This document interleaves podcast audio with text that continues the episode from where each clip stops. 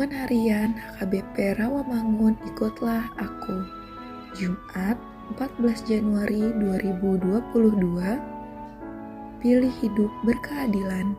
Bacaan kita pagi ini diambil dari kitab 1 Yohanes 2 ayat 12 sampai 17 Bacaan malam kita hari ini diambil dari kitab Yohanes 4 ayat 35 sampai 42 dan kebenaran firman Tuhan hari ini diambil dari kitab Mazmur 36 ayat 7 yang berbunyi, Keadilanmu adalah seperti gunung-gunung Allah, hukummu bagaikan samudra raya yang hebat. Manusia dan hewan kau selamatkan ya Tuhan. Demikianlah firman Tuhan.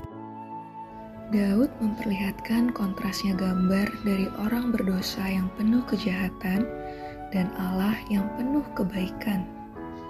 Orang berdosa, hatinya dipenuhi dosa dan hidupnya dipenuhi dengan kesalahan, kebencian, serta kejahatan. Akar dari kehidupan yang penuh dosa adalah orang berdosa tidak takut kepada Allah.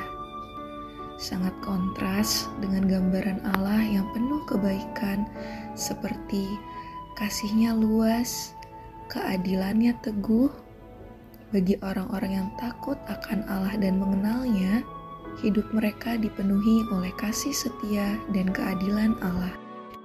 Daud menegaskan di akhir Mazmurnya bahwa orang-orang yang melakukan kejahatan itu jatuh, mereka dibanting dan tidak dapat bangun lagi. Bagaimana dengan kehidupan yang kita jalani sekarang ini?